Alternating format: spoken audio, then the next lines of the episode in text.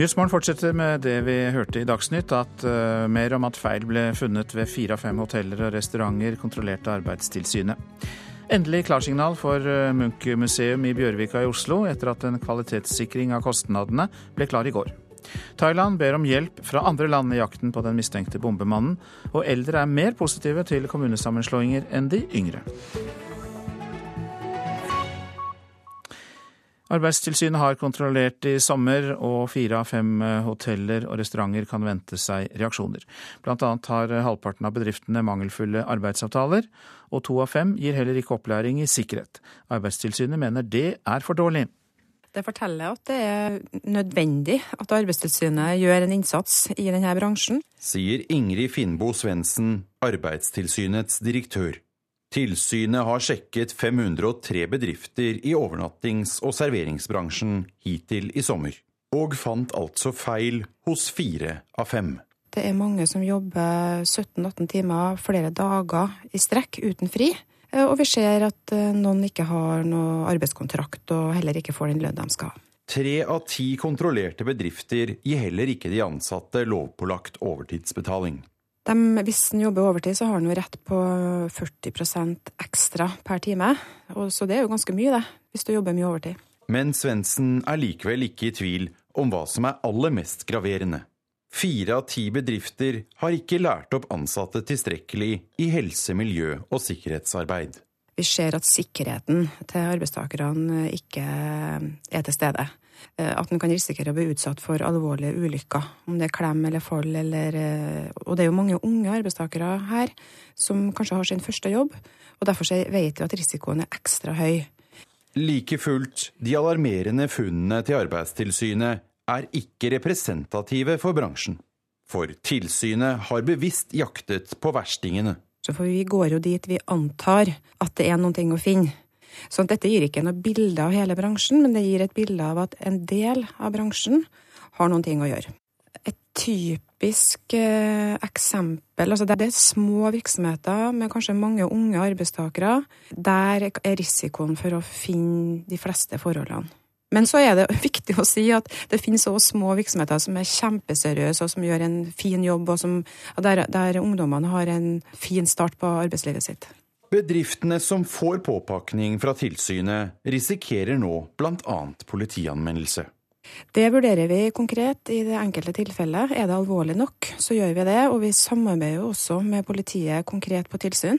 I tillegg så vurderer vi også noen ting som heter overtredelsesgebyr. Hvis f.eks. vi oppdager at det er noen gjengangere. Du kan risikere å betale opp mot en million i overtredelsesgebyr. Og Arbeidstilsynet gjør seg klar til nye besøk. Vi har gjennomført 500 tilsyn i sommer, men vi skal gjennomføre 2000 i løpet av året. For å sikre at alle i bransjen er seriøse. Bransjen sjøl ønsker jo at vi skal samarbeide om det. Hjelp til å være seriøs. Reportere her Sindre Heyerdahl og Hedvig Bjørgum. Mye mer av Oslo tåler høyere og tettere bebyggelse, særlig villastrøkene på vestkanten. Det mener Arbeiderpartiet. De vil gå gjennom områder rundt samtlige T-banestasjoner i Oslo og vurdere muligheten for fortetting. Det sier partiets byutviklingstalsmann Anders Rødberg Larsen. Vi er opptatt av at Oslo må legge til rette for den veksten som vi står oppe i nå. og Da må vi se på hele byen og hvor det er fornuftig å fortette mer. Hvor er det fornuftig å fortette mer som byrådet ikke foreslår? Så Byrådet har valgt ut noen områder hvor de ønsker fortetting, mens de har styrt unna andre. Vi mener man må gå gjennom hele eh, Oslo og se spesielt langs eh, banenettet og hvor det er god kollektivtilgjengelighet. Der mener vi man må vurdere å, å få til høyere utnyttelse. Det er under behandlingen av Oslos nye kommuneplan Arbeiderpartiet ber om en analyse over utbyggingspotensialet i en radius på minst 500 meter rundt hver jernbane- og T-banestasjon. Vi møter Anders Rødberg Larsen på Ris stasjon på Holmenkollbanen. Han legger ikke skjul på at det er på denne kanten av byen muligheten for å bygge høyere og tettere i villastrøkene er størst. Det er spesielt langs eh, T-banen vestover at det er stort potensial, både i forhold til eh, tomtepotensialet, men også hvor det fortsatt er god tilgjengelighet på, eh, på T-banen. Ja, mener dere at enhver T-banestasjon, området rundt enhver T-banestasjon er et potensielt fortettingsområde? Vi mener i hvert fall at det er mange T-banestasjoner i Oslo hvor vi kan fortette veldig mye mer. Eksempelvis rundt denne stasjonen så har du jo mye småhusbebyggelse. Eh, mange områder er preget av reguleringsplaner som tillater veldig lav utnyttelse av områdene. Vi bør gå gjennom de planene og se om det er mulig å, å få til ytterligere fortetting i Oslo. Eh, nær eh, stasjonene, som også er smart, og det er grønt og, og det er, er fornuftig. Vi snakker om frivillig fortetting. Det er snakk om frivillig fortetting. Jeg tenker at det er oppsiktsvekkende useriøst. Sier Maren Malte Sørensen fra Høyre, som har ledet arbeidet med kommuneplanen i byutviklingskomiteen. Hun sier at vurderingene Arbeiderpartiet nå ber om, er nettopp det Oslo kommune har gjort i løpet av fire års arbeid med planen. I første omgang så skremmer man jo opp tre fjerdedeler av Oslos befolkning. Da, for det er jo ut fra det kartet som vi har nå har satt sammen, så viser det seg at det er jo en stor andel av eh, byens eh, eneboliger og rekkehus og flotte boområder som rammes. Eh, og hvis de først skulle få gjennomslag for dette her, så, så vil man jo rasere store boområder, og det syns jeg er en usedvanlig dårlig idé. Maren Malte Sørensen trøster seg med at Arbeiderpartiet står alene om et så radikalt fortettingsønske. Frp har jo lekt med den tanken tidligere, og når selv Frp har slått det fra seg, da burde det ringt en bjelle hos Arbeiderpartiet. Ifølge Høyre er potensialet i kommuneplanen på 120 000 nye boliger fram mot 2030 nok til å møte befolkningsveksten.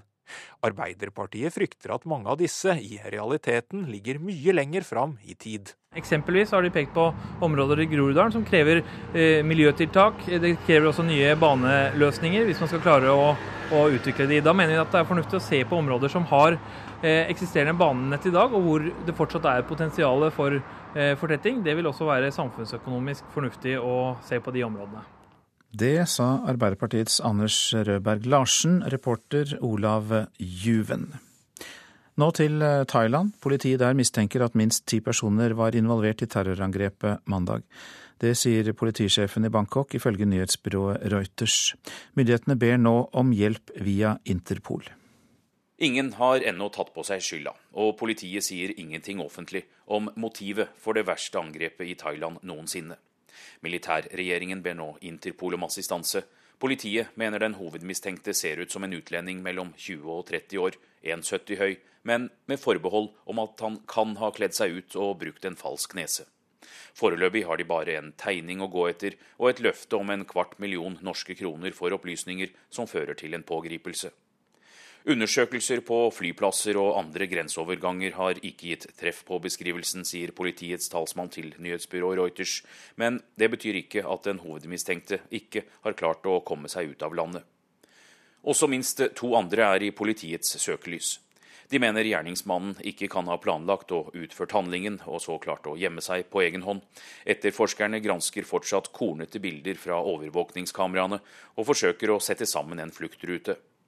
To personer sto foran den hovedmistenkte da han la ned ryggsekken med eksplosiver under en benk ved tempelet, og de dro omtrent samtidig med ham et kvarter før eksplosjonen. Utydelige bilder av dem i en rød og hvit T-skjorte har sirkulert i mediene her, og politiets talsmann mener at dersom de to var uskyldige, så hadde de meldt seg for politiet. Tre dager etter bombeangrepet, der minst 20 mennesker ble drept, er to fortsatt ikke identifisert. Anders Tvegård, Bangkok. Så tar vi en kikk på avisene her hjemme. Derfor kan fedme gå i arv, er oppslaget i VG. 44% av oss har arvet såkalte late fettceller med overdreven fettlagring, viser en tverrfaglig studie gjort ved Universitetet i Bergen i samarbeid med Harvard i USA. Politiet har ikke fått mer våpentrening etter at de ble utstyrt med ladde våpen, kan vi lese i Klassekampen. Dermed bryter politiet rådene de selv ga i en utredning om bevæpning. Politidirektøren sier han frykter at mer våpentrening skal ta politiressurser fra gata. Det svir når du spør om eiendomsskatt, sier bergensordfører Trude Drevland til Dagens Næringsliv. Høyres listetopper vil, men får ikke til, å fjerne skatt på bolig. Et flertall av partiets lokale toppkandidater avviser å fjerne eiendomsskatten, selv om partiet sentralt er klar motstander. Robotene kommer, men få frykter dem, får vi vite i Aftenposten. Hver tredje jobb i Norge kan bli automatisert, ifølge en rapport Kunnskapsdepartementet har fått laget. Det er urovekkende at så få tror at deres jobb er utsatt, sier Håkon Haugli, som er sjef for Abelia. Det er NHOs forening for kunnskaps- og teknologibedrifter. Når det blir eh, færre sykehus, vet ingen hvor mange sykebiler som trengs, kan vi lese i Nasjonen. Overlege Guttorm Brattebø ved Haukeland universitetssykehus etterlyser kunnskap om behovet for ambulansetjenester når syketransportene blir lengre pga. sentralisering i helsesektoren. Nye skoler i Trondheim er fylt til randen, kan vi lese i Adresseavisen i dag. Det er viktig at vi får en debatt om når en skole er full, sier rektor ved Byåsen skole, Wenche Kjellby Nesset, som tar imot 16 flere elever enn skolen er bygd for. Går til valg på å fjerne korset, skriver Vårt Land om SV i Stjørdal. Der åpner det nye kulturhuset med innebygd kirke, men nå vil SVs lokallag fjerne korset i kirken og gjøre det om til et livssynsnøytralt rom. At uh, Justin Galtin kan bli verdensmester igjen under VM i Beijing, er et hån mot antidopingarbeidet, mener Dagsavisens kommentator Reidar Solli. Den amerikanske friidrettsutøveren er dømt for doping og utestengt fra idretten to ganger. Kampen mot doping er tafatt og latterlig, sier Solli, som mener jukserne må ut for godt.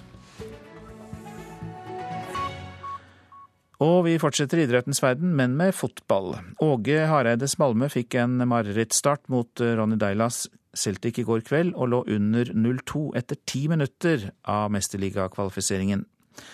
Men Malmö hentet seg mesterlig inn og sikret et godt utgangspunkt før returoppgjøret neste uke. Nei, Det var sånn som marerittstart for oss. og det er klart at det, På 2-0 så, så, er det ett mål til, så er vi kanskje helt utrekna. Så det, det var tøft. Mål fra Lee Griffiths og Near Britain sørget for den verst tenkelige starten for Malmö. Men Åge Hareide hadde tidligere Celtic-spiller Jo Inge Berge, som var svært lysten på å vise seg fram for gamle lagkamerater, og reduserte til 1-2 tidlig i den andre omgangen. Ja, det er litt ekstra har det selvfølgelig å si. Jeg har spilt her før og ikke helt fått det til, så det var, var deilig å ha en god kamp i dag. Celtic skåret en gang til, men fem minutter på overtid dukket nordmannen opp igjen. Kommer der mot bortre delen av straffområdet, nikkes ned, og så er det et jätteläge for Malmö! Og så er det mål! Og så er det mål! Har ni sett? Har ni hørt? Jo Inge Berget gjør 3-2! Han reduserer til 3-2 på tilleggstid. Det er bare sekunder kvar av den der tilleggstiden. Og det er 3-2. Malmö gjør et grymt, grymt, grymt, grymt viktig bortamål. Malmö har nå et godt utgangspunkt før returen hjemme i Malmö.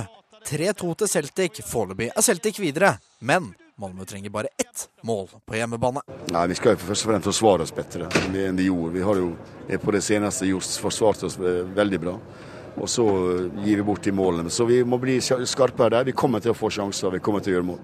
Det sa Åge Hareide. Intervjuet eh, ble gjort av unnskyld, Sveriges Radio. Reporter i innslaget var Patrick Steen Lytter til Nyhetsmorgen, klokka passerte nettopp 6.46. Dette er hovedsaker. Sverigedemokraterna er for første gang blitt Sveriges største parti. En meningsmåling gir Sverigedemokraterna en oppslutning på 25,2% Nå skal norsk fiskeindustri inspiseres av russerne, selv om Russland har forbud mot import av norsk fisk. Mer om det i Nyhetsmorgen etter klokka sju. Og snart skal vi høre mer om at eldre er mer positive til kommunesammenslåinger enn de yngre. Og det blir eh, Munch-museum i Bjørvika i eh, Oslo. Det kan slås fast etter en kvalitetssikring av prosjektet som ble klar i går, og viser at bystyrets budsjett på 2,7 milliarder kroner kommer til å holde. Lambda-prosjektet blir dermed realisert innen 2019. Nå er det nye Munch-museet et faktum. Og det er kulturbyråd i Oslo, Halstein Bjerke, ganske så fornøyd med. Det er jo veldig godt og betryggende. Eh, og i dag fikk jeg tilbakemeldingen hva gjelder kostnadsrammen for Lambda. I april ba nemlig Bjerke kultur- og idrettsbygg i Oslo om en ny gjennomgang av prosjektet for Munch-museet. Etter at resultatet kom i går, er det nå klart at budsjettet som bystyret har vedtatt på 2,7 milliarder kroner, er nok penger til å bygge det nye Munch-museet, som skal stå klart i 2019.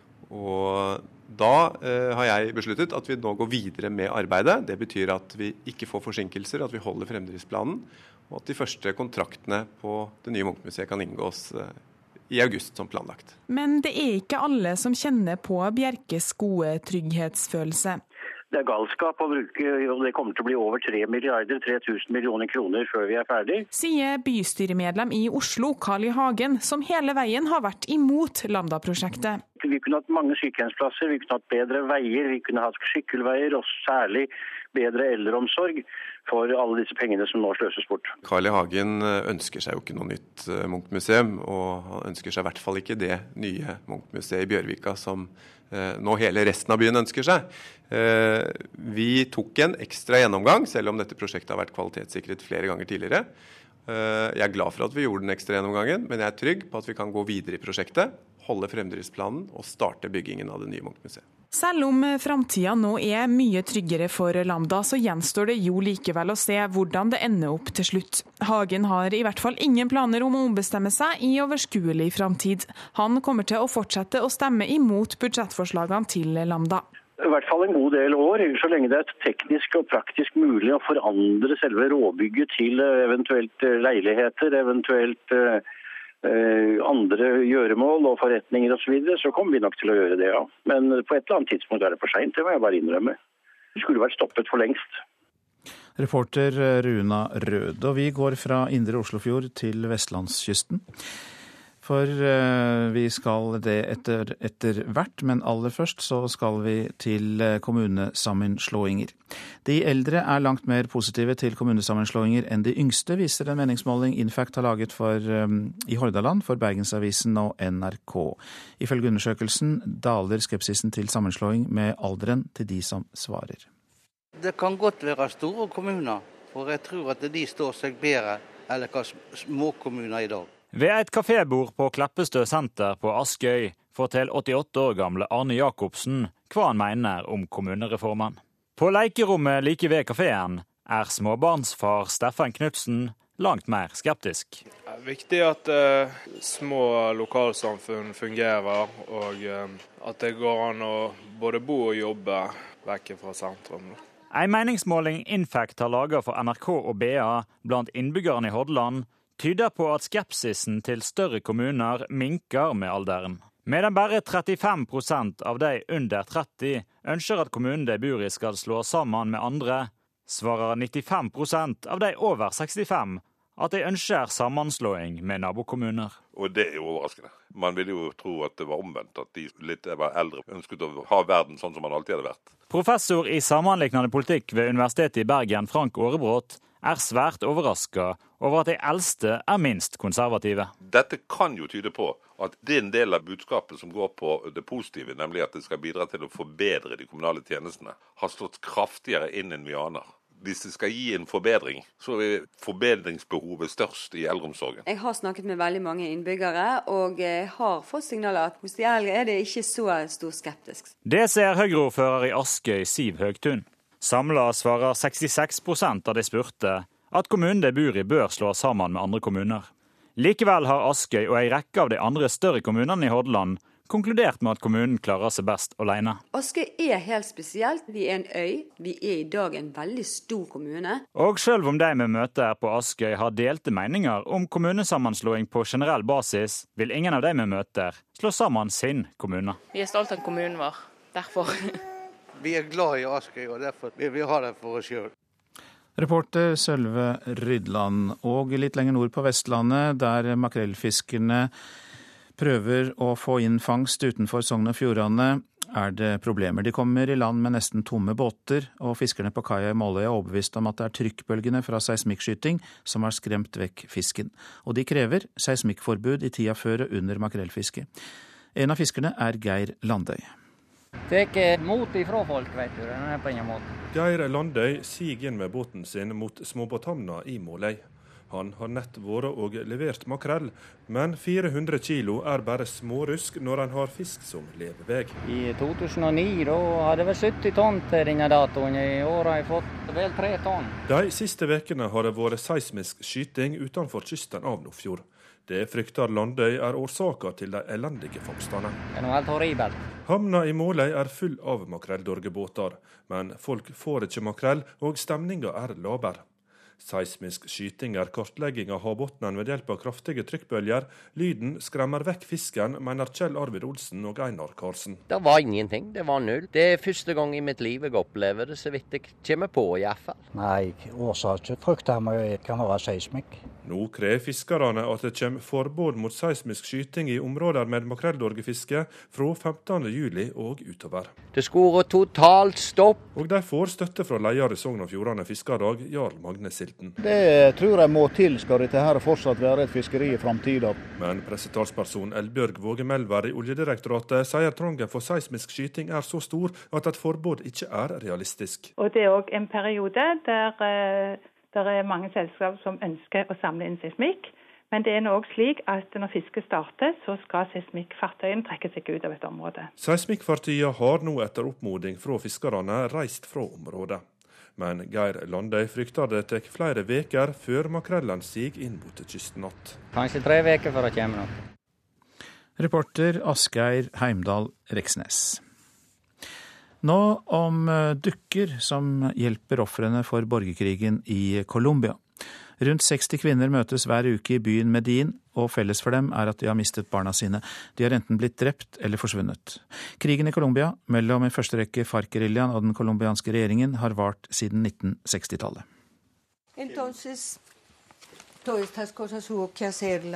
De småprater og minnes de eldre kvinnene som møtes i byen Medellin. Og så driver de med håndarbeid. De syr små dukker, og de lager dem med kjærlighet. Dukkene har klær som minner dem om barna de har mistet. Mistet i en krig som har vart i over 50 år, og hittil har kostet 220 000 menneskelivet. Barna deres, kvinner og menn, har enten blitt kidnappet eller tvangsrekruttert til FARC og andre geriljagrupper. Ved å samles en gang i uken, slik de har gjort de siste sju årene, holder de minnene om barna levende.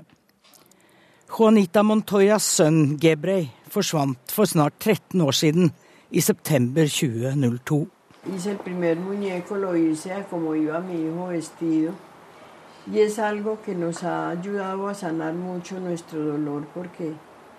Jeg laget den aller første dukken, sier Juanita Montoya til nyhetsbyrået Ap. Det var et poeng å lage den med klær som sønnen kunne gått med. Håndarbeidet har vært med på å dempe smerten. Tiden siden han forsvant har vært forferdelig, sier Juanita, som er stolt over at hun og de andre kvinnene nå forsøker å lege sårene etter krigen. På hver dukke festes det et bilde av den som er borte, og informasjon om hva som har skjedd. Juanitas sønn Gebrey ble kidnappet, trolig av FARC-geriljaen. Maria Elena Kadavids sønn var 25 år gammel da han forsvant, også han i 2002. Es muy linda la historia, a pesar de que nuestra historia es dolorosa, pero eh, Dette er et flott initiativ til tross for det smertefulle utgangspunktet, sier Maria Elena Kadavid. Med disse dukkene føler vi fellesskap med dem som har forsvunnet, det blir en slags terapi, mener Maria Elena. Dukkene selges på møter og seminarer som handler om konsekvensene av den over 50 år gamle krigen i Colombia. De som kjøper dem, får innblikk i nettopp dette menneskets skjebne. Kvinnene som er fattige, får en liten inntekt, og så kjøper de nye materialer og syr nye dukker. Siden slutten av 2012 har det vært fredsforhandlinger mellom FARC-geriljaen og regjeringen. Det skjer i Havanna, tilrettelagt av Norge og Cuba. Underveis har våpenhviler kommet og gått. I sommer har kampene blusset opp igjen, men partene i fredsforhandlingene er enige om tre av seks punkter i en avtale.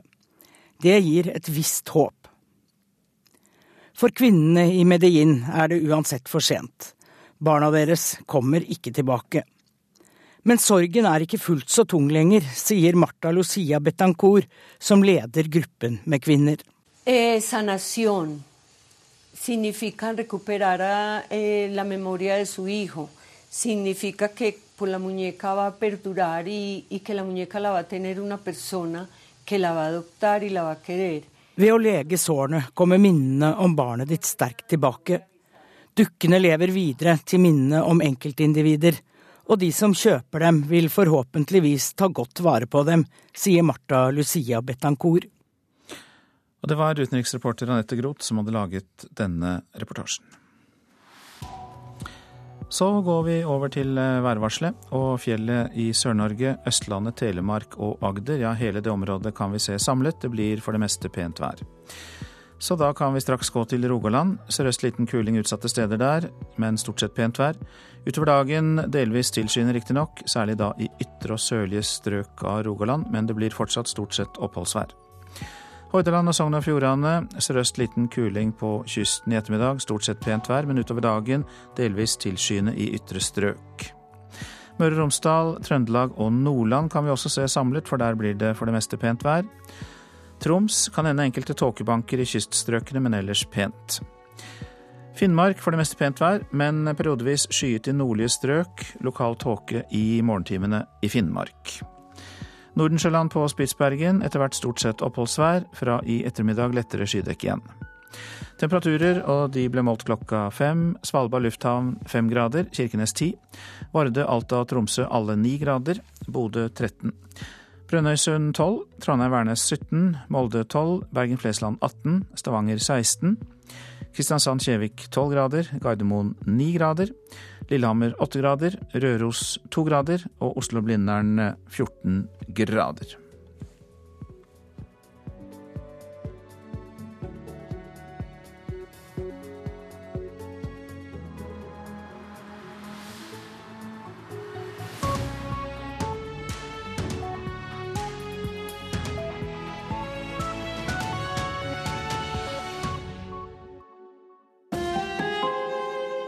Hør ekko. Lyden av en IS-soldat som borer fra hverandre en over 3000 år gammel staselig bygning i Irak. Nå er den borte for alltid. Men hva med Norge? Hvilke steder, bygninger, er helt umistelige for oss? Ekko 9 11 i NRK P2. Flere reisebyråer på nett driver ulovlig, mener Forbrukerombudet. Politiet i Thailand tror minst ti personer var involvert i terroren i Bangkok på mandag. Her er NRK Dagsnytt klokken sju.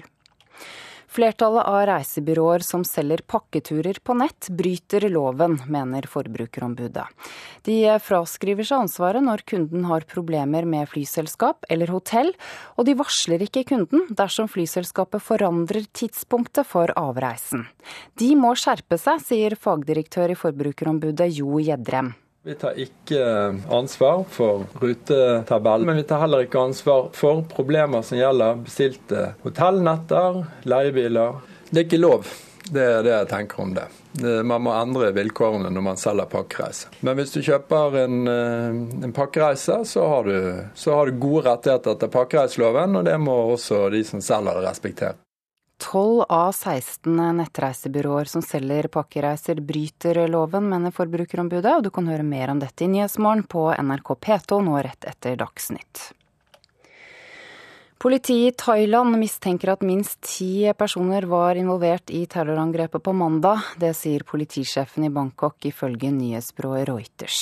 Myndighetene ber nå om hjelp via Interpol. Ingen har ennå tatt på seg skylda, og politiet sier ingenting offentlig om motivet for det verste angrepet i Thailand noensinne. Militærregjeringen ber nå Interpol om assistanse. Politiet mener den hovedmistenkte ser ut som en utlending mellom 20 og 30 år, 1,70 høy, men med forbehold om at han kan ha kledd seg ut og brukt en falsk nese. Også minst to andre er i politiets søkelys. To personer sto foran den hovedmistenkte da han la ned ryggsekken med eksplosiver under en benk ved tempelet, og de dro omtrent samtidig med ham et kvarter før eksplosjonen. Anders Tvegård, Bangkok. På mandag starter russisk mattilsyn inspeksjon av norske fiskeanlegg. Dette skjer selv om Russland i mer enn et år har forbudt import av norsk fisk som svar på sanksjonene fra EU og Norge. Bakgrunnen er konflikten i Ukraina. Mattilsynet her sier at norske myndigheter ikke vil nekte de russiske inspektørene å komme hit. I USA synker oppslutningen om eh, Hillary Clinton i demokratenes nominasjonskamp. Ifølge en ny meningsmåling utført for TV-kanalen CNN har hun ikke hatt lavere støtte siden 2001. 47% av demokratenes velgere sier de støtter Clinton som partiets presidentkandidat. Oppslutningen om hennes fremste rival, senator Bernie Sanders, har derimot økt med 10 prosentpoeng til 29 NRK Dagsnytt, Ida Creed. Nyhetsmorgen henter inn råd om hvordan vi som forbrukere skal håndtere reisebyråer som driver ulovlig, som vi hørte om i Dagsnytt. GPS-sporing av barn hemmer barnas utvikling, mener forsker. Hvis du lurer på hvorfor russerne vil inspisere norsk fiskeindustri når de forbyr import av norsk fisk, så får du vite mer i løpet av den neste halvtimen. Og når og hvor mye strøm du bruker kan påvirke andre. Hør mer om automatiske strømmålere som gir oss mye bedre oversikt. Ja, Vi hørte altså i Dagsnytt at 12 av 16 nettreisebyråer som selger pakkereiser, bryter loven. Det er Forbrukerombudet som mener det. De selskapene fraskriver seg ansvaret når kundene har problemer med flyselskap eller hotell, eller de varsler ikke kundene når flyselskapet endrer avreisetidspunkt. Sånn, her har du en type sånn flyhotell. På nettsiden til et av nettreisebyråene som søker opp billig flyreiser og hotellopphold. Med et enkelt søk har reisebyrået funnet de billigste flyreisene blant de fleste flyselskapene. Men fagdirektør Jo Gjedrem i Forbrukerombudet er ikke fornøyd med alt han leser på nettreisebyrået Go to Gate sine hjemmesider. Vi er en formidler av flybilletter, eh, hotell, leiebil og arrangementer. Vi tar ikke ansvar for rutetabell, men vi tar heller ikke ansvar for problemer som gjelder bestilte hotellnetter, leiebiler og den slags. Det er ikke lov. Det er det jeg tenker om det. Man må endre vilkårene når man selger pakkereise. Et tilsyn av 16 nettreisebyråer som Ticket, eBookers, Expedia, Reisefeber og GoToGate viste at tolv av dem bryter pakkereiseloven. Den loven sier at hvis en kunde kjøper enten fly og hotell, eller fly og leiebil eller lignende, er det en pakkereise, og nettreisebyrået har dermed et ansvar for kunden. Hvis du f.eks. har kjøpt en reise til eh, hva skal det være, Egypt da f.eks., og eh, hotellet er mangelfullt, så sier det seg selv at det er mye vanskeligere å ta den saken opp med et hotell i eh, Egypt når du kommer tilbake, enn å ta det opp med en norsk aktør. Men det var ikke bare at nettreisebyråene nekter å hjelpe en kunde som får problemer med hotell eller fly. Mange gir heller ikke beskjed til kunden hvis flyselskapet endrer flytiden, som har gjort at kunder mister flyet. Nå har Forbrukerombudet sendt ut brev hvor de krever at de endrer reglene. Ja, Vi titter på brevet og går igjennom det og ser eh, om vi holder med. Sier Claes Tellmann, pressetalsmann for seks av selskapene som Forbrukerombudet mener bryter loven. Det er GoToGate, Budget, C24, Supersaver, Travel Partner og Travelstart. Bryter dere loven? Det er ikke vår oppfatning at vi gjør. Men det står jo på nettsidene til GoToGate at dere tar ikke ansvar for eh, eventuelle problemer som skulle oppstå med fly eller hotell. Nei, og det handler jo om den skrivelse vi har fått, og hvordan man tolker den, og hva de egentlig mener. Så vi er tvunget til å analysere den og ta en dialog med myndighetene før jeg kan svare. Når dere ikke tar ansvar hvis en kunde får problemer med fly eller hotell, er det da trygt for kundene å bestille reiser gjennom dere? Det er det absolutt. Men dere vil ikke hjelpe dem hvis de får problemer? Ja, og det er også en definisjonsspørsmål. Det beror på hvilken, problemet, hvilken, hvilken situasjon hvilken type av problem eh, det handler om. Alle som selger pakkereiser må forholde seg til regelverket regelverk og gi uh, passasjerene og de reisende de rettighetene de har krav på. Hvor alvorlig er det? Ja, Det er jo alvorlig for de passasjerene det gjelder.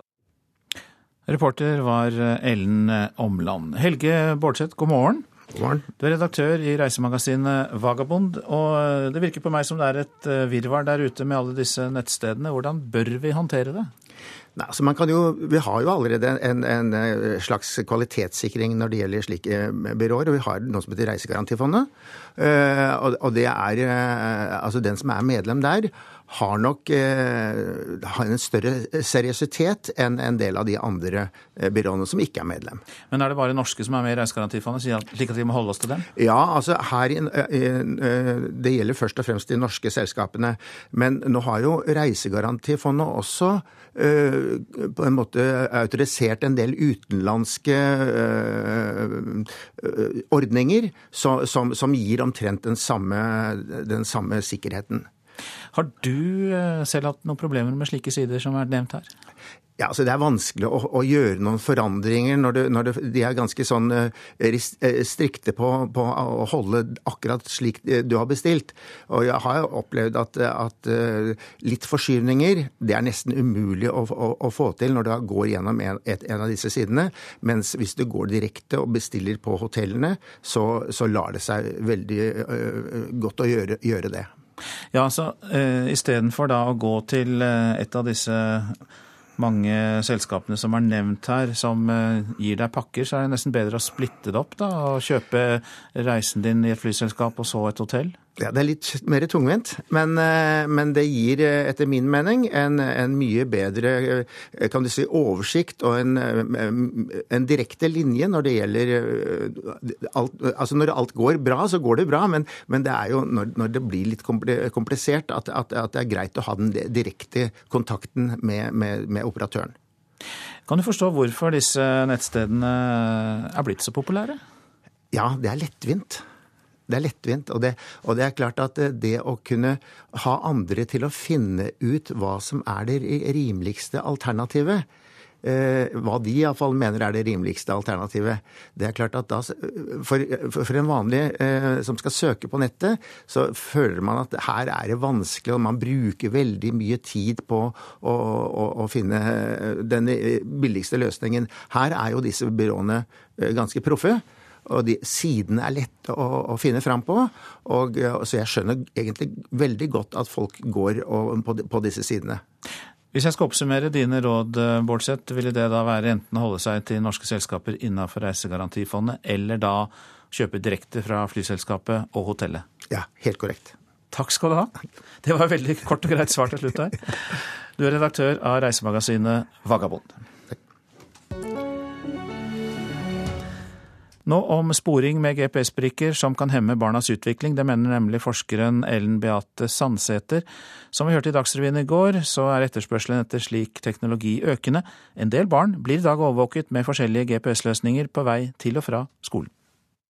Når jeg er i nærheten av skolen, kommer den, så får pappa en SMS. Heller så var det sånn pipetone eller alarm, i hvert fall. Fordi at jeg skal være trygg for at uh, pappa vet hvor jeg er. Åtte år og alene langs skoleveien. Men ikke helt alene. Johannes Vevle har en GPS-brikke i skolesekken som sender beskjeder til foreldrene om hvor han er. Og om han kommer trygt fram. Etterspørselen etter slik teknologi for å spore bl.a. barn øker, og det kommer stadig nye duppeditter på markedet. Armbånd, brikker, mobilapper og alarmer. Forsker Ellen Beate Sandsæter ved Dronning Mauds minne liker ikke utviklingen. Barn må få prøve seg på naturlige situasjoner i livet og lære seg å håndtere dem på egen hånd. Hvis eh, barn blir vant til at eh, foreldre hele tida overvåker dem og hele tida kan se hvor de er, eller har en, et inntrykk av at eh, foreldre kan oppdage når de er i trøbbel, så vil jo barn også kanskje bli dårligere til å håndtere eh, situasjonene eh, sjøl også. En fersk spørreundersøkelse Datatilsynet har gjort, viser at 60% mener det er greit å spore barn med GPS. Slik får vi ulykkelige og hjelpeløse barn, sier Sandsæter, og viser til amerikansk forskning. Når eh, barna vokser opp og blir unge voksne, så så har de eh, lavere eh, selvtillit, eh, er mer hjelpeløse i forhold til å håndtere ting sjøl. De har generelt en lavere livskvalitet, og kan, en del av dem sliter også mer psykisk med psykiske problemer. Og reporter her, det var Anne Marte Moland. Etter planen starter en gruppe russiske eksperter på mandag en større inspeksjonsrunde ved fiskeriindustribedrifter i Norge. Det skjer, selv om Russland i mer enn et år har hatt forbud mot import av norsk fisk pga. vestlige lands sanksjoner mot Russland pga. konflikten i Ukraina. Russland har som eneste land i mange år krevd å få inspisere anleggene til norske fiskeindustribedrifter før disse ble godkjent for å kunne eksportere til det store russiske markedet. Eksporten av norsk fisk til Russland nådde for noen år tilbake en verdi på vel 6 milliarder kroner. Det russiske markedet ble det største enkeltmarkedet for norsk fisk. Men alt tok en brå slutt da russiske myndigheter i august 2014 innførte forbud for import av mat fra EU og Norge. Dette som en motreaksjon på sanksjoner fra vestlige land for det man mente var russisk innblanding i Ukraina. Siden den gangen har noe norsk fisk kommet inn på det russiske markedet etter videreforedling i Hviterussland. Dette har noe motstrebende blitt akseptert av russiske myndigheter fram til nå. For de siste ukene er det blitt klart at Russland nå ønsker å stramme inn på sitt sanksjonsregime. Mat som Russland mener ulovlig er kommet inn i landet, er ødelagt av bulldosere. Og nå er det tydelig at landet også ønsker å se nærmere på fisk som kommer inn på det russiske markedet via Hviterussland. Det russiske veterinærtilsynet tok allerede før sommeren kontakt med det norske mattilsynet og foreslo en ny inspeksjonsrunde av bedrifter som eksporterer til Hviterussland. Russerne sier de gjør dette innenfor rammen av den euroasiatiske unionen, der både Russland og Hviterussland er medlem. Det spesielle her er at Hviterussland selv ikke har bedt om å få komme på inspeksjon til Norge nå. Vi har holdt hviterussiske myndigheter løpende orientert om at russerne ønsker å komme på inspeksjon til Norge, men så langt har vi ikke hørt noe fra dem, sier Kristina Landsverk, som er fagdirektør i det norske mattilsynet. Landsverk sier at norske myndigheter ikke vil nekte de russiske inspektørene å komme til Norge. Og etter planen skal to grupper starte inspeksjonen av en rekke anlegg både i Sør- og Nord-Norge fra 24.8. Det er likevel uklart hvilke anlegg som skal inspiseres, fordi en rekke produsenter som tidligere eksporterte til Russland etter den russiske boikotten, har orientert seg mot andre markeder og ikke er avhengig av en godkjennelse fra russiske myndigheter. Morten Jentoft, Moskva. Klokka nærmer seg kvart over sju. Dette er hovedsaker i Nyhetsmorgen. 12 av 16 nettreisebyråer som selger pakkereiser, bryter loven, mener Forbrukerombudet. Bruk heller selskaper som er godkjent av Reisegarantifondet, sa Helge Bårdseth i reisemagasinet Vagabond her i Nyhetsmorgen nettopp. Thailands politisjef sier at minst ti personer mistenkes for å ha vært involvert i bombeangrepet i Bangkok mandag. Sverigedemokraterna er for første gang blitt Sveriges største parti. En meningsmåling gir dem en oppslutning på 25,2% Og GPS-sporing av barn hemmer deres utvikling, mener forsker. Tre brannmenn mistet eh, livet og fire ble skadd mens de kjempet mot en skogbrann i delstaten Washington i USA. Totalt er over 400 000 hektar brent ned på USAs vestkyst de siste månedene i det som er eh, de verste skogbrannene i landet på over 20 år.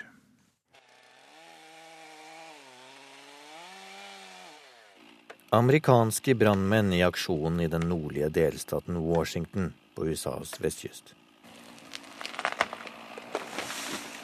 I natt mistet de tre av sine kolleger mens de kjempet mot flammene nær byen Twisp.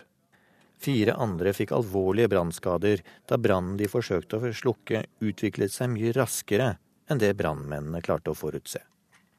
Dette er de første dødsfallene etter at store deler av vestkysten har blitt herjet av brann de siste månedene. Fire år med tørke har forvandlet naturen i det vestlige USA til lett tennbart tørt gress, buskas og trær. Tordenvær med lynnedslag og svært lite nedbør har tent en rekke branner som sprer seg raskt i det varme, tørre været.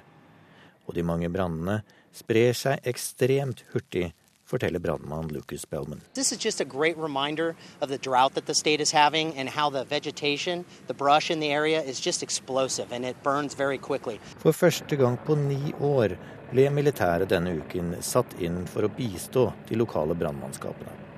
Over 400 000 hektar skog og buskas er brent ned i California, Idaho, Oregon og Washington. Og nær 1500 mennesker er evakuert i det som er de verste skogbrannene på over 20 år. Reporter Christian Aanensen. Nå til eh, Frankrike, der eh, partiet Nasjonal Fronts leder Marine Le Pen har sammenkalt partiets ledelse for å drøfte farens eksklusjon fra partiet. Jean-Marie Le Pen ble i vår utestengt fra partiet han selv stiftet i 1972, men eh, partiet har senere fått en rettskjennelse mot seg. Og professor i statsvitenskap og Frankrike-kjenner Raino Malnes, god morgen til deg. Takk. Ja, hva tror du sentralstyret i Nasjonal Front kommer til å vedta? Jeg tror de kommer til å vedta det samme som de vedtok i mai, men denne gangen kommer de til å unngå en juridisk snubletråd som de gikk på den gangen. Da vedtok de eksklusjon uten tidsbegrensning. Det sørger de nok for at de har denne gangen. Og så blir nok eh, vedtaket gjennomført etter planen. Hva består konflikten i mellom far og datter? Vel, altså, Det er nok en politisk konflikt som består i at uh, faren vil opprettholde Nasjonal Front slik det var, og, og, datteren vil moderere en del standpunkter og modernisere partiet. Og så er det også det at faren etter hvert har blitt et problem, fordi han stadig vil uh, uttale seg om andre verdenskrig i ord og uh, ordelag som ikke er egnet å fange mange velgere, og det vil datteren simpelthen bli kvitt. Så hadde han latt være å gjøre det siste, så kunne han nok levd med den politiske konflikten. Men det siste er problemet. altså At han hele tiden kommer tilbake til dette med at andre verdenskrig ikke var så ille som den går for å være. Hmm. Så Hvorfor er det da, da er det åpenbart veldig viktig for partiet å distansere seg fra den gamle lederen for å meisle ut en ny politikk? Ja, man kan si at De uttalelsene han kommer med, får veldig stor oppmerksomhet. Og de er egnet til å skremme bort de velgerne som partiet nå trenger. Det er unge mennesker. Og partiet har en sterk appell til unge mennesker, særlig unge menn, særlig menn som har et litt problematisk forhold til arbeidslivet. De kan komme til å bli skremt av et parti som har folk i sin midte som kommer med den type ekstreme uttalelser.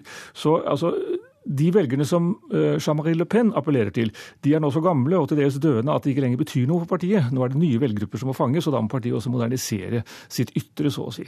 Hvor mye det innebærer når det gjelder partiets indre sjel, det, det, ja, det, det diskuteres. Det er vanskelig å spå, men eh, jeg ber deg likevel om å gjøre det, for dette er veldig interessant, utviklingen av Nasjonal Front. Tror du at det blir et så stuereint parti etter hvert at det vil kunne få presidenten, at det vil kunne komme i regjering? Eh, altså, Det siste tror jeg er nokså usannsynlig. Eh, altså fordi Det innebærer at partiet også må ha et flertall, eller i hvert fall eh, sammen med andre partier, et flertall i nasjonalforsamlingen. Det vil de neppe få, for de har simpelthen ikke troverdige kandidater nok. Altså det Gang på gang skjer det at partiet vinner ganske mange velgere i presidentvalget, og så går det tilbake i valg til nasjonalforsamlingen, simpelthen fordi de ikke har troverdige kandidater.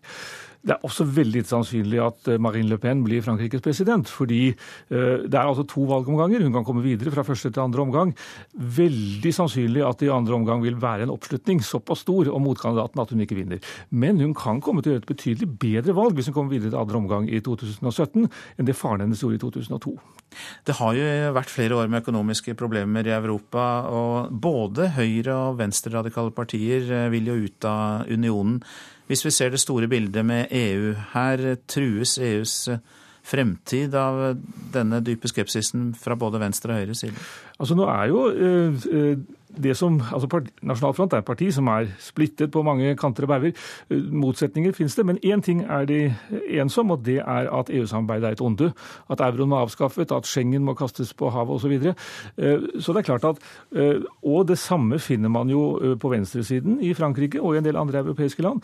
Dette er en påkjenning for EU, e at det nå er under såpass stort press både fra høyre og venstre, og både høyre og venstre, ytterste høyre og ytterste venstre, har betydelig folkeoppslutning. Om det er en krise for EU, det, det er nok ikke jeg rett rette å svare på, men det er jo klart at det er et kraftig legitimitetsproblem.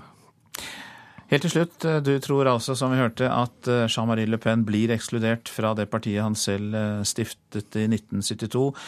Tror du han kommer til å danne et nytt parti? For, altså, det vil han nok kanskje kunne gjøre. Han har et sånt lite miniparti, det har de veldig mange av, de som hører til Nasjonal Front, sine små minipartier ved siden av.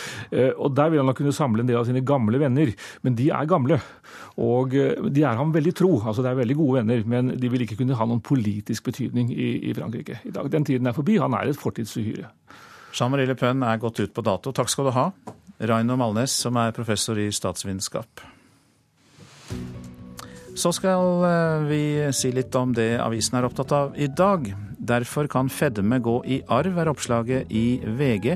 44% av oss har arvet såkalte late fettceller med overdreven fettlagring, viser en tverrfaglig studie gjort ved Universitetet i Bergen i samarbeid med Harvard i USA. Politiet har ikke fått mer våpentrening etter at de ble utstyrt med ladde våpen, kan vi lese i Klassekampen.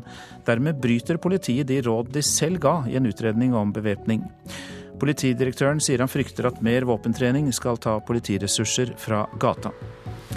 Det svir når du spør om eiendomsskatt, sier bergensordfører Trude Drevland til Dagens Næringsliv. Høyres listetopper vil, men får ikke til, å fjerne skatt på bolig. Et flertall av partiets lokale toppkandidater avviser å fjerne eiendomsskatten, selv om partiet sentralt er en klar motstander. Robotene kommer, men få frykter dem, får vi vite i Aftenposten.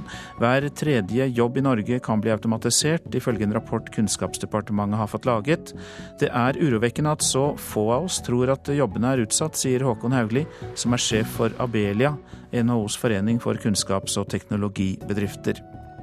Når det blir færre sykehus, vet ingen hvor mange sykebiler som trengs, kan vi lese i Nasjonen. Overlege Guttorm Brattebø ved Haukeland universitetssykehus etterlyser kunnskap om behovet for ambulansetjenester når syketransportene blir lengre pga. sentralisering. Nye skoler i Trondheim er fylt til randen, kan vi lese i Adresseavisen. Det er viktig at vi får en debatt om når en skole er full, sier rektor ved Byåsen skole, Wenche Kjellby Nesset, som tar imot 11, 16 flere elever enn skolen er bygd for. Går til valg på å fjerne korset, skriver Vårt Land om eh, SV i Stjørdal. Der åpner eh, det nye kulturhuset med innebygd kirke, men nå vil SVs lokallag fjerne korset i kirken og gjøre det om til livsny, et livssynsnøytralt rom. Høyres løfte om å videreutdanne lærere kommer til å koste 6 milliarder kroner, melder Dagbladet. Målet er at minst 25 000 lærere skal ha fått videreutdanning i løpet av de neste fem år. Erna Solberg viser til at én av fem mattelærere ikke har fagfordypning i faget de underviser i, og det samme gjelder én av sju norsklærere. Justin Gatlin kan bli verdensmester igjen under VM i Beijing, men det er et hån mot antidopingarbeidet, mener Dagsavisens kommentator Reidar Solli. Den amerikanske friidrettsutøveren er dømt for doping og utestengt fra idretten to ganger. Kampen mot doping er tafatt og latterlig, sier eh, Solli, som mener jukserne må ut for godt. Send alle båtflyktninger i Middelhavet i retur, det sier Carl I. Hagens, eh, FrPs førstekandidat i Oslo, til Aftenposten i dag. Han mener Europa og Oslo vil bryte sammen pga. stor tilstrømning av flyktninger. Jeg sier det som eh, jeg tror veldig mange tenker, men de fleste kanskje syns eh, de ikke kan si. Vi er nødt til å stoppe denne enorme presset mot Europa. Og at mange dør under overfarten, for de har et håp om å rykke frem. Og nå går signalene tilbake at, eh, at, at, det kan gå bra. Vi er nødt til å si at dette går ikke lenger, og det samme som Australia har gjort uh, veldig lenge. Nå om hvor mye strøm du bruker, for, eh, og når på døgnet. For det kan ikke bare påvirke din økonomi, men også samfunnssikkerhet og miljø.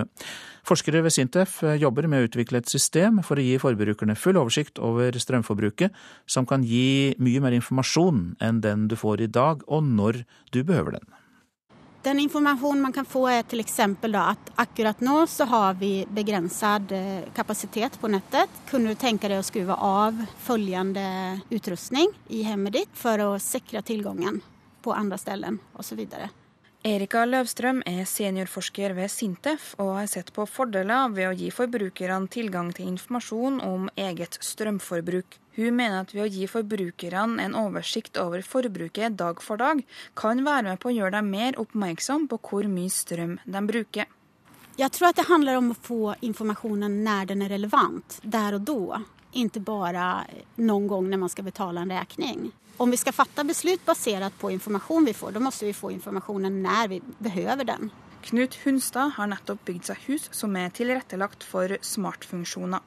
Han ønsker denne teknologien velkommen, og tror den kan være med på å minske belastninga på strømnettet, og dermed minske den samfunnsmessige kostnaden Jeg ser det veldig tydelig f.eks. at eh, fra klokka ni på kvelden eller ni på morgenen her, til ett på dagen, så er det et mye høyere produksjon av strøm enn det er forbruk. Det vil si at Hvis jeg skal sette på en vaskemaskin, så kanskje typisk jeg skulle legge det i det området her. Istedenfor bare å sette den på når det passer meg, så kan jeg gjøre den klar, og så går den da i det området hvor da samfunnsmessig det vil være mer mindre kostnadskrevende rett og slett da, å, å ha på den maskinen. Da vil vårt hus bidra mindre til maksforbruket av strøm i, i området. Appen som er under utvikling skal ikke bare vise forbrukerne hvor mye strøm de bruker.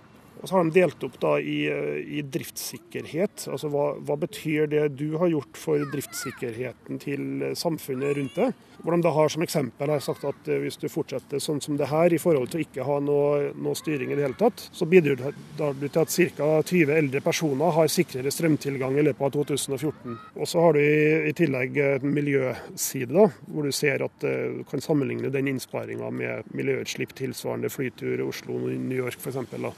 Så du får noen forskjellige aspekter. fordi Hittil har det vært veldig mye fokusert på rent økonomi, økonomisk inntjening for hver enkelt. Men poenget her er å prøve å få frem det at det har en samfunnsmessig betydning, da, utover at du sparer noen kroner på strøm. En av utfordringene er å gjøre et slikt system såpass enkelt at alle kan bruke det. Det er jo det som er utfordringa her, at nettopp å få det til å bli så lite prakk som mulig, og så selvsagt som mulig at man bare gjør det sånn kan det sammenligne med søppelsortering. Som jeg sier, Det er jo, det er jo for så vidt prakt. Det er enklere bare å hive alt i samme søppelbøtta. Men folk gjør det etter hvert likevel, fordi man ser at det er en nytteverdi i det. Løvstrøm håper forbrukerne også blir mer miljøbevisste ved å gi dem en mer detaljert strømmåling. Og Det handler om å synliggjøre koblingen mellom naturressurs og forbruk. For at i dag er det såpass dolt. Vi tenker ikke på at det er en naturressurs vi bruker når vi har en, bare hull i, to hull i veggen, egentlig. Så at, eh, jeg tror at det, det er en stor potensial som ligger der. Reporter det var Malin Sveinsdotter Lystad. Du lytter til eh, Nyhetsmorgen, produsent i dag Ingvild eh, Ryssdal. Her i studio Øystein Heggen. I Politisk valgkvarter skal vi til Karmøy, der Kristelig Folkeparti samarbeider med Arbeiderpartiet. Havner KrF mer og mer over på Arbeiderpartiets banehalvdel? Det er spørsmålet som blir stilt i Politisk kvarter klokka 7.40. For det er jo utvidet nå før valget til 20 minutter. Og kvalitetssikringen er gjort, alt er klart. Vi får altså Munch-museum i Oslo. Lambda-prosjektet er hovedsaken i Kulturnytt, som starter om en drøy eh, halvtime. Og ellers så eh, minner vi om nettstedet radio.nrk.no, der du kan lytte til alle NRKs radiokanaler og laste ned tidligere sendte programmer. En oase for eh, radiolyttere. Radio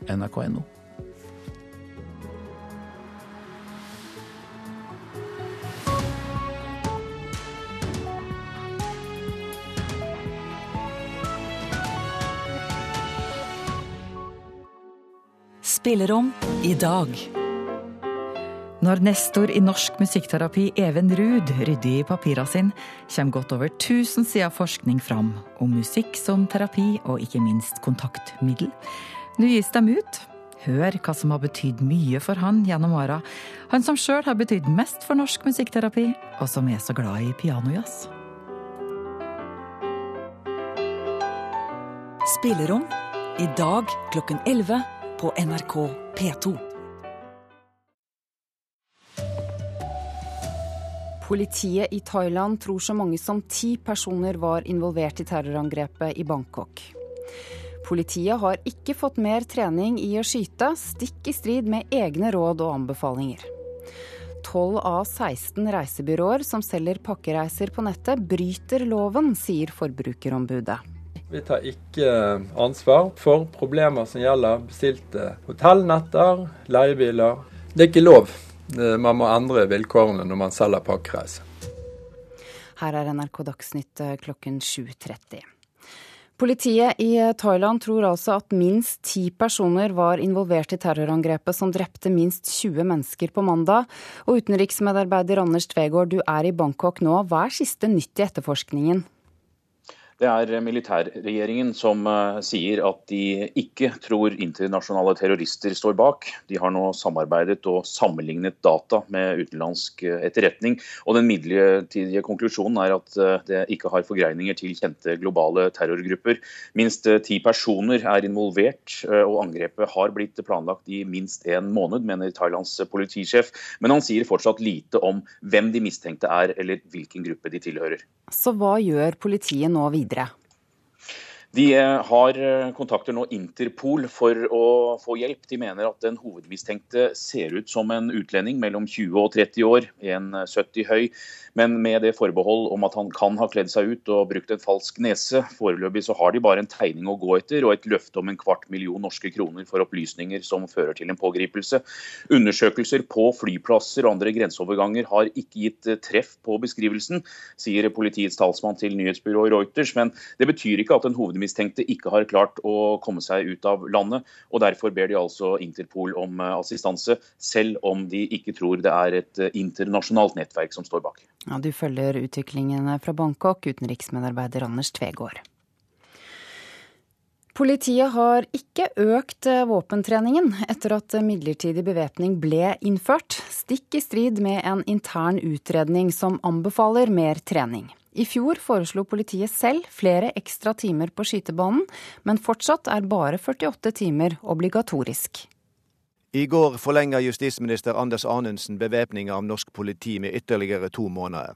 Men trass i at polititjenestemennene nå bærer våpen, har det ikke blitt mer våpentrening. En av de som undrer seg over dette, var forsvarstoppen Robert Mood, som i sommer gikk ut på Twitter med følgende melding. Håper våpentreninga står i forhold til denne voldsomme beredskapen. Politidirektør Odd Reidar Humlegård sier til Klassekampen at hver time med ekstra våpentrening betyr én mann én time mindre på gata, men han vurderer mer trening dersom bevæpninga av politiet blir forlenga ytterligere. Leder i Politiets Fellesforbund, Sigve Bolstad, vil gjerne ha mer våpentrening, men at dette ikke må gå utover den daglige polititjenesten. Det er et behov eh, for å se på våpentreninga og ytterligere eh, våpentrening. Eh, og det må ikke komme i eh, konkurranse med en ressursdiskusjon. ressursdiskusjon. Det betyr at man må både ha kapasitet til å trene, intensivere treninga, samt at man har kapasitet til å ha den daglige tjenesten. Får du reaksjoner fra dine medlemmer på at det er for lite våpentrening rundt om i landet? Det jeg får av tilbakemelding, det er at det er et behov for å intensivere noe av våpentreninga. Mener du at eh, norske polititjenestemenn er skikka til å gå ut i skarpe oppdrag med den våpentreninga de har i dag? Det er svaret ja. Reporter her var Bjørn Atle Gildestad. 12 av 16 nettreisebyråer som selger pakkereiser, bryter loven, mener Forbrukerombudet. De fraskriver seg ansvaret når kunden har problemer med flyselskap eller hotell, og de varsler ikke kunden når flyselskapet forandrer tidspunktet for avreisen. Nå må de skjerpe seg, sier fagdirektør i Forbrukerombudet Jo Gjedrem. Her har du en type sånn flyhotell. På nettsiden til et av nettreisebyråene som søker opp de billigste flyreisene og hotellopphold blant flyselskapene. Fagdirektør Jo Gjedrem i Forbrukerombudet er ikke fornøyd med alt han leser på nettreisebyrået Go to Gate sine hjemmesider. Vi tar ikke ansvar for rutetabellen, men vi tar heller ikke ansvar for problemer som gjelder bestilte hotellnetter, leiebiler. Det er ikke lov. Man må endre vilkårene når man selger pakkereiser. Et tilsyn av 16 nettreisebyråer som Ticket, eBookers, Expedia, Reisefeber og GoToGate viste at tolv av dem bryter pakkereiseloven. Den loven sier at hvis en kunde kjøper enten fly og hotell, eller fly og leiebil eller lignende, er det en pakkereise, og nettreisebyrået har dermed et ansvar for kunden. Nå har Forbrukerombudet sendt ut brev hvor de krever at de endrer reglene. Ja, Vi titter på brevet og går igjennom det og ser eh, om vi holder med. Sier Claes Tellmann, pressetalsmann for seks av selskapene som Forbrukerombudet mener bryter loven. Bryter dere loven? Det er ikke vår oppfatning at vi gjør. Men det står jo på nettsidene til GoToGate at dere tar ikke ansvar. Nei, og det handler jo om den skrivelse vi har fått, og hvordan man tolker den, og hva de egentlig mener. Reporter Ellen Omland. Send alle båtflyktninger i retur, sier Carl I. Hagens, eh, Carl I. Hagen, eh, som er FrPs førstekandidat i eh, Oslo, til Aftenposten i dag. Han mener Europa og Oslo vil bryte sammen pga. stor tilstrømning fra Middelhavet. Jeg sier det som jeg tror veldig mange tenker, men de fleste kanskje syns de ikke kan si. Hagen kaster seg inn i valgkampen med et flyktningoppgjør, og mener at Europa tydelig må signalisere at det ikke nytter å komme hit. Dersom båtflyktningene gjør det, må de returnere til flyktningleirene på den andre sida av Middelhavet. Vi er nødt til å stoppe denne enorme presset mot Europa. Og at mange dør under overfarten for de har et håp om å rykke frem. Og nå går signalene tilbake at, at det kan gå bra. Vi er nødt til å si at dette går ikke lenger. Og dermed tar FrPs førstekandidat i Oslo, ikke så overraskende Siv Jensen, på ordet etter at hun i forrige uke ba kommunene si nei til syriaflyktninger. For Hagen mener det finnes andre måter å håndtere krisa i Middelhavet på. Ved å bidra selvsagt til å bygge opp bedre styresett og bidra til å stoppe kriger. Og stille krav om bedre styresett for den eh, bistanden som gis.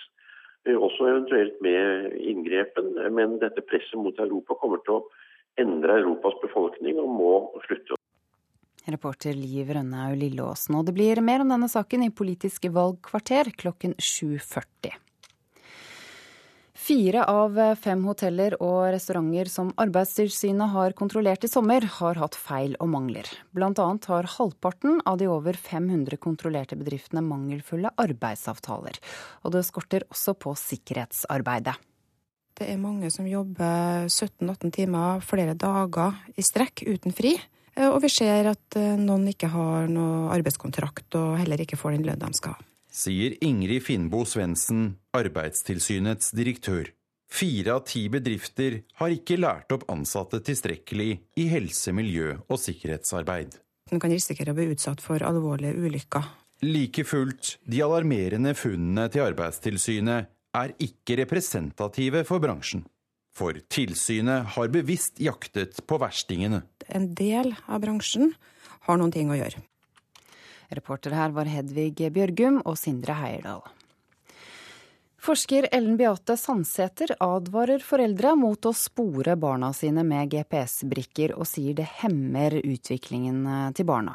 Etterspørselen etter slik teknologi øker, og en del barn blir i dag overvåket med forskjellige GPS-løsninger på vei til og fra skolen.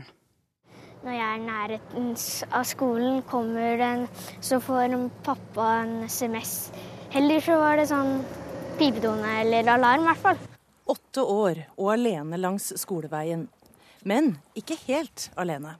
Johannes Vevle har en GPS-brikke i skolesekken som sender beskjeder til foreldrene om hvor han er, og om han kommer trygt fram. Etterspørselen etter slik teknologi for å spore bl.a. barn øker, og det kommer stadig nye duppeditter på markedet. Armbånd, brikker, mobilapper og alarmer.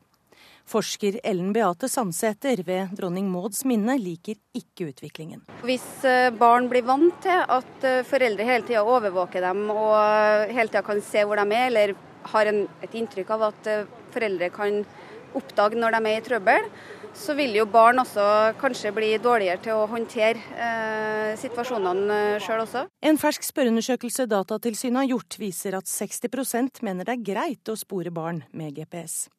Slik får vi ulykkelige og hjelpeløse barn, sier Sandsæter, og viser til amerikansk forskning. Når eh, barna vokser opp og blir unge voksne, så, eh, så har de eh, lavere selvtillit, er mer hjelpeløse i forhold til å håndtere ting sjøl. Reporter Anne Marte Moland.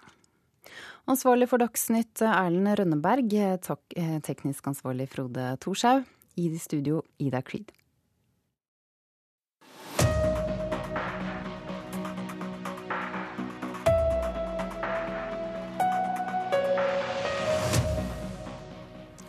Hva er det som skjer når et samarbeid mellom KrF og Frp surner og dør? Er det sånn at KrF blir tvunget over på Aps banehalvdel? Og kan virkelig Rødt komme til å styre Nord-Norges største by? Politisk kvarter skal til Karmøy i Rogaland og til Tromsø i dag. Men aller først, velkommen hit, Karl I. Hagen. Tusen takk. Førstekandidat for Frp i Oslo. Til eh, Aftenposten i dag sier du at Europa må gjøre som Australia og sende alle båtflyktninger som kommer over Middelhavet, i retur. Hva løser det? Det vil stoppe eh, den eh, båtflyktningstrømmen som nå kommer til Europa, som er planlagt 800 000 til Tyskland, som nå får tysk debatt i gang. Storbritannias utenriksminister har uttrykt stor bekymring om at noe må gjøres. Og Den eneste dessverre løsningen er å returnere de, for da vil de få signal om at det ikke nytter, og da vil man slutte å sende uh, farlige båter ut på havet hvor veldig mange dør. Det er brutalt, det... men det er ingen annen mulighet. Dette kan ikke fortsette. Da vil det ikke komme flere båter, tror du? Nei, det vil det ikke. Da kommer signalene hjem. Vi vet jo at alle smuglere følger med hva som skjer i Europa, f.eks. etter det famøse Syria-flyktningvedtaket i Stortinget i juni mot Fremskrittspartiets stemmer, som heller ville bruke en milliard i nærområdene. Så er asylstrømmen til Norge gått oppover igjen. Den var på vei ned i 2014 og 2015, men etter det vedtaket er den opp. Og så vidt jeg har hørt, nærmer den seg nå 500 i uken, fordi signalet var at nå er det, nå er det fritt fram i, i Norge igjen. Hva skal skje når de er sendt tilbake da, til Afrika? Da syns jeg Europa i stor grad bør finansiere mat, klær, medisiner, hjelp i eventuelt etablerte flyktningleirer. Og så må man fortsette arbeidet med å endre styresettet og eventuelt prøve å hjelpe til å stoppe kriger og forfølgelse i mange land. Mener du vi skal sende absolutt alle tilbake, uavhengig av om det er en såkalt eh, økonomisk lykkejeger fra Ghana, eller om det er ei krigsråka alenemor fra Aleppo i Syria? I dag blir de jo ikke engang registrert, alle sammen i Italia og i Hellas. De blir bare liksom sluset videre rundt omkring i Europa. Men skal vi sende alle tilbake, ja, alle uavhengig må, av situasjonen? Alle må tilbake, og vi må hjelpe alenemoren i Aleppo i et nærområde. Gjerne bidra til eh, leire og mat, medisiner og klær i Tyrkia og andre steder. Vi kan hjelpe 26 eh, i nærområder for det det koster å få én med gullbillett til Norge. Med andre ord, du mener vi har ikke noe ansvar for å hjelpe flyktninger her? Nei, vi kan ikke lenger flytte mennesker, fordi det endrer våre egne samfunn. Vi har enorme utfordringer med integrering i Oslo f.eks. allerede. Vi har norskfødte barn som ikke kan norsk når de begynner på skolen. Eh, vi begynner å få la oss si, veldig segregerte steder hvor det nesten bare bor innvandrere, og det vil alltid kunne medføre konflikter. Nå må vi ta mer vare på den norske befolkning og sørge for en bedre eldreomsorg og sørge for gode forhold for Norge. Jeg har ikke sett noen andre politikere se inn i TV-skjermen og si at dere velgere er ikke så viktig for oss. Nå er det viktigere at vi gjør noe for folk andre steder. Og det å bruke andres penger, det er alt altfor lett. Jeg ser noen uh, Men... er veldig høymoralske. Jeg skulle lure på hvor mange flyktninger de har boende i sin egen bolig for sine egne penger. Men finnes det tilfeller der vi skal ta imot folk selv om det blir en kostnad for våre budsjett? Jeg mener at nå bør all den økonomiske hjelp vi kan yte, den bør gjøres i nærområdene, i naboland, fremfor å få flyktninger til Norge. Med andre ord, det fins ikke tilfeller der det er riktigere å ta imot og bruke våre penger. Vi bør hjelpe i nærområdene. Da kan vi hjelpe langt flere, som kanskje mange steder veldig, lider veldig mye, med mat, medisiner, klær, husly. Og er, vi kan hjelpe så mange mer for de samme kronene som kommer i Norge. I tillegg så får vi en utfordring med at norske samfunn også er i ferd med å endre seg. Og etter min oppfatning, og det står jeg for, ikke til det positive. Se ikke bort fra at debatten går utover dagen. Takk til deg, Karl I. Hagen, for at du kom hit.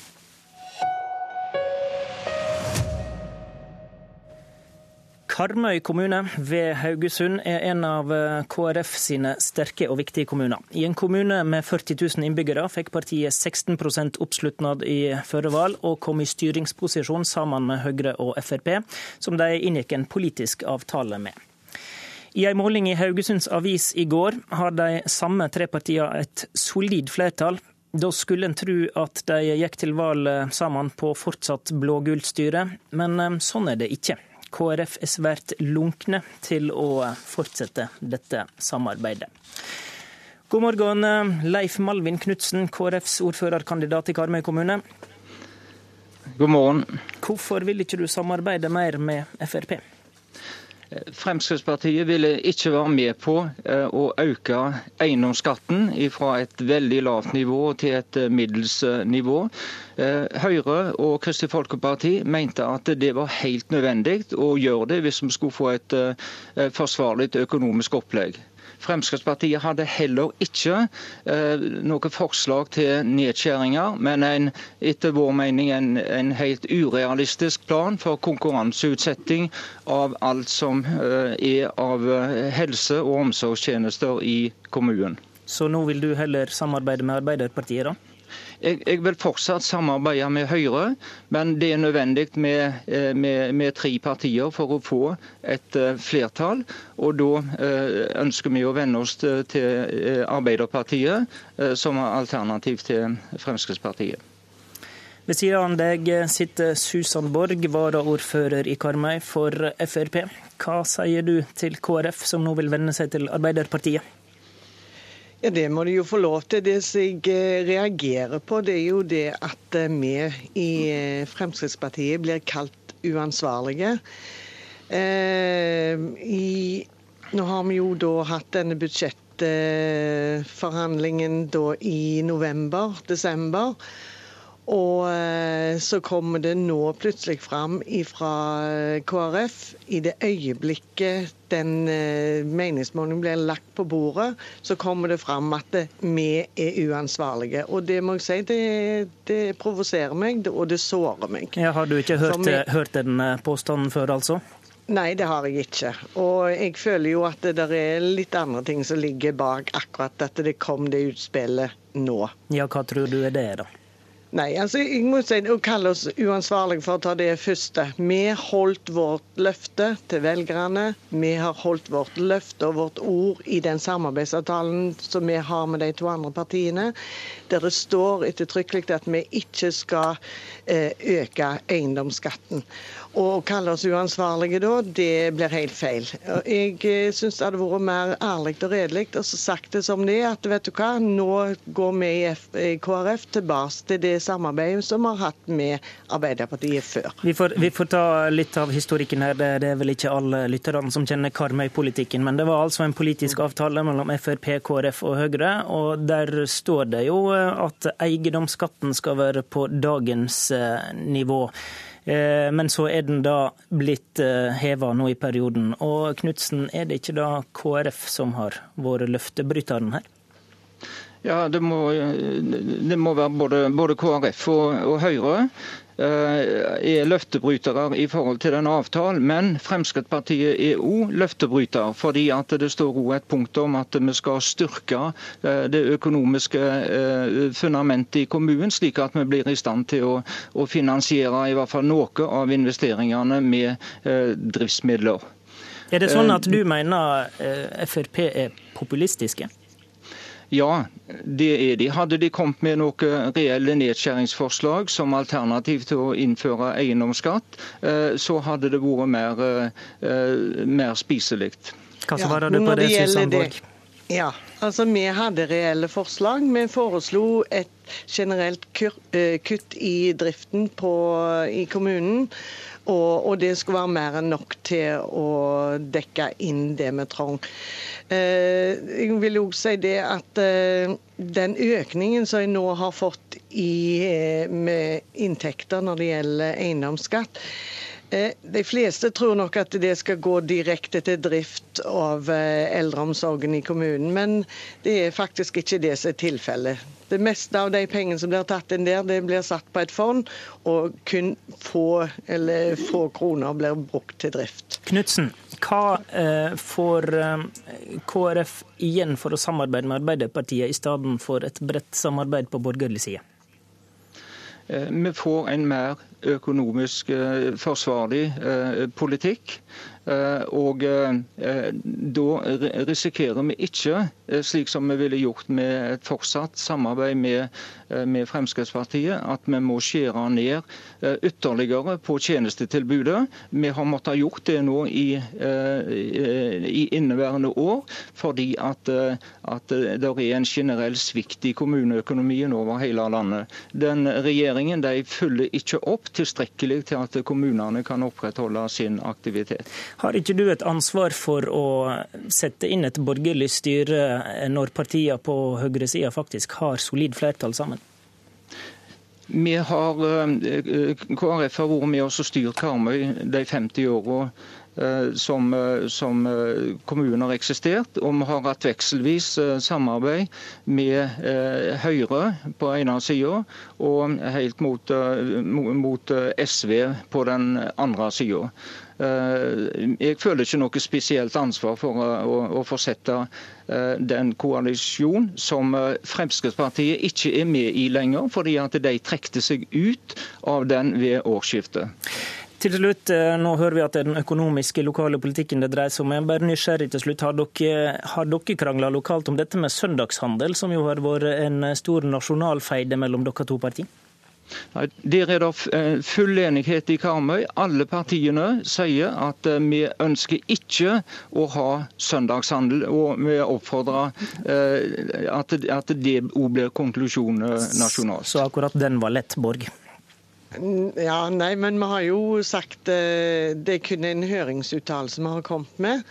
Der vi òg, på lik linje med de andre partiene, har sagt at vi da ikke ser behovet for uh, søndagsåpne butikker. Mm. Takk um, til dere to um, som var med oss fra studio i Haugesund. Med oss her i studio har vi Berit Aalborg, samfunnsredaktør i Vårt Land. I går skrev du at KrF blir pressa over på Arbeiderpartiets banehalvdel. Da var tematikken din det vi snakka om til slutt her, nemlig søndagshandelsaka. Nå har vi nettopp hørt et annet eksempel på at KrF går over midtbanestreken til Arbeiderpartiet. Og så har vi eh, hørt Carl I. Hagen nettopp snakke på en måte som mange KrF-ere ikke liker. I hvor stor grad ser vi noe ting som gjør at KrF nettopp blir pressa over på Aps banehaller? Jeg tror vi ser det i en, uh, flere eksempler. Og jeg tror den diskusjonen vi hørte nå er uh, ganske interessant for hva som skjer rundt omkring. fordi Eh, hvis du la merke til hva eh, han fra KrF sa, eh, så sier han det at, at det er på en måte totaliteten av den lokale og den nasjonale politikken som blir veldig tung blå-blå. Eh, da er søndagshandel ett eksempel, og så har du skattelettelser som både kommer eh, lokalt og nasjonalt. og i tillegg, Det blir en slags kombinasjon av at man både får en verdiliberalisme kombinert med en økt eh, en økonomisk politikk i retning av markedsliberalisme. Så her er, det, her er det nok sånn at mange KrF lokallag og fylker ser mer at, de ser at det rett og slett er mer aktuelt å samarbeide med Arbeiderpartiet. Vi ser det flere steder. Ja, Du tror det vil være en tendens som gjør seg gjeldende mange plasser, eller? Ja, Hvor mange plasser det gjør seg gjeldende er det vanskelig å se, men vi ser det flere steder. Og vi har jo allerede fra før av så vet vi at både i Nord-Norge, Trondheim f.eks. samarbeider KrF og Arbeiderpartiet. Men nå ser vi flere steder på Sørlandet. Bergen, Hordaland, eh, nå Karmøy. Så jeg, særlig eh, på Vestlandet er det veldig interessant, for de har, de har hatt en, altså KrF har hatt et veldig sånn borgerlig tilsnitt. Så jeg syns at det er kanskje det som er det mest oppsiktsvekkende, at det er flere der som nå samarbeider. Altså KrF-lag som ønsker å samarbeide med Arbeiderpartiet. Men de formuleringen var altså at de blir pressa over mot Ap. Altså, det høres ikke ut som noe veldig lystbetont verdifellesskap? Jeg tror det er litt både og. Eh, jeg tror det er både en slags, eh, det er et slags press fordi det er en økt eh, liberalistisk politikk på den blå sida, og så er det ting man ønsker å samarbeide med Arbeiderpartiet om. Så jeg tror det er både lystbetona og et slags press. Kombinasjonen av det kan bli ganske kraftig enkelte steder. Takk til deg, Berit Aalborg.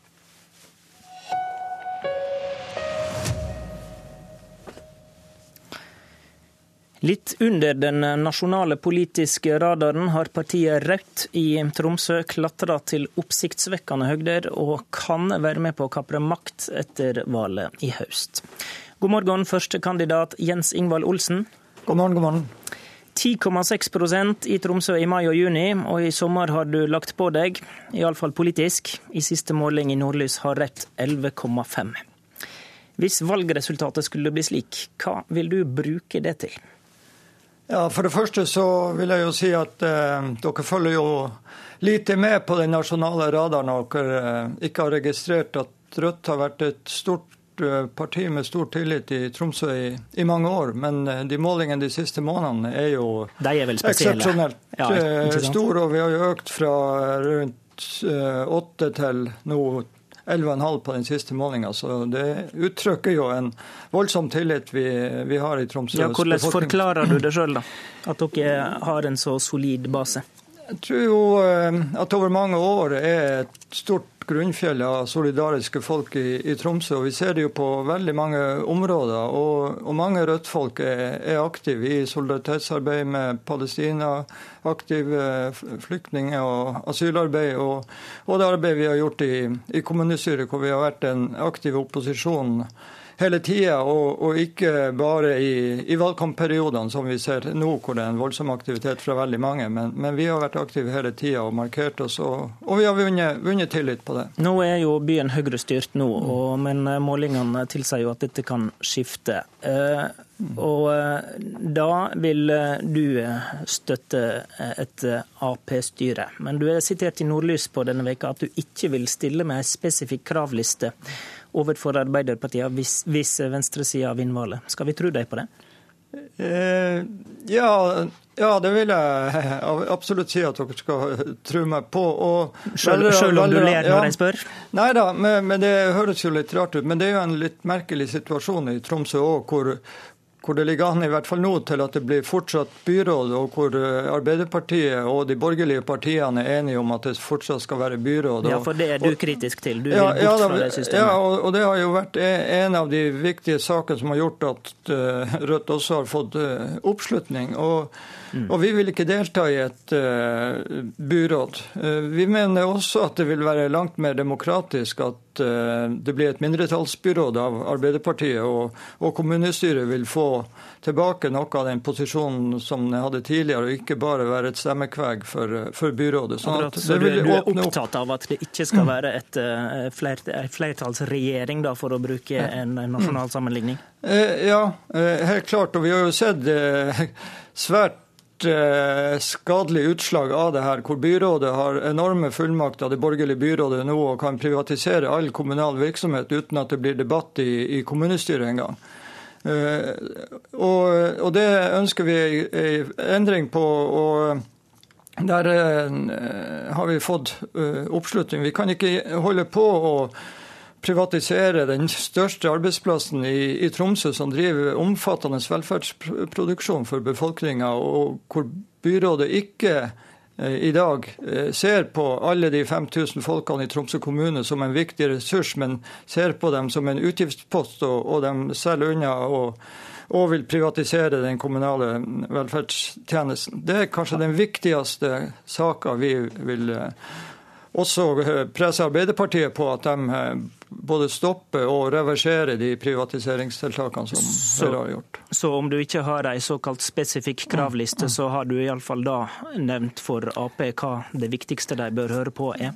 Ja da, og vi, vi, har jo hatt budsjettsamarbeid de to siste årene. Eh, både Arbeiderpartiet, Rødt, SV, Miljøpartiet De Grønne og, og Senterpartiet. sånn at eh, vi har jo langt på vei laga en, en eh, felles, felles, politisk plattform, selv om, om den vil være stø, mer omfattende enn en et uh, budsjettsamarbeid, så, så, er vi jo uh, Og jeg oppfatter jo at Arbeiderpartiet i Tromsø står lenger til venstre enn Arbeiderpartiet i Oslo, etter det jeg får inntrykk av i forhold til privatiseringsspørsmål, i alle fall. Sånn at, at det, det, gir jo et du grunnlag. Du har tro på å bli hørt? Ja, det har jeg jo. Og, og, ikke minst hvis at eh, Rødt gjør det bra i, i, i, valget, og som det ser ut nå at vi vil gjøre, så vil jo det eh, skape et bedre grunnlag for at vi kan mm. Eh, få gjennom Rødt politikk i, i fremtiden. Helt mm. kort et, et, svar, et ordsvar fra deg til slutt. Mm. Du vil ikke inn i byrådet, men kan du tenke deg å bli ordfører?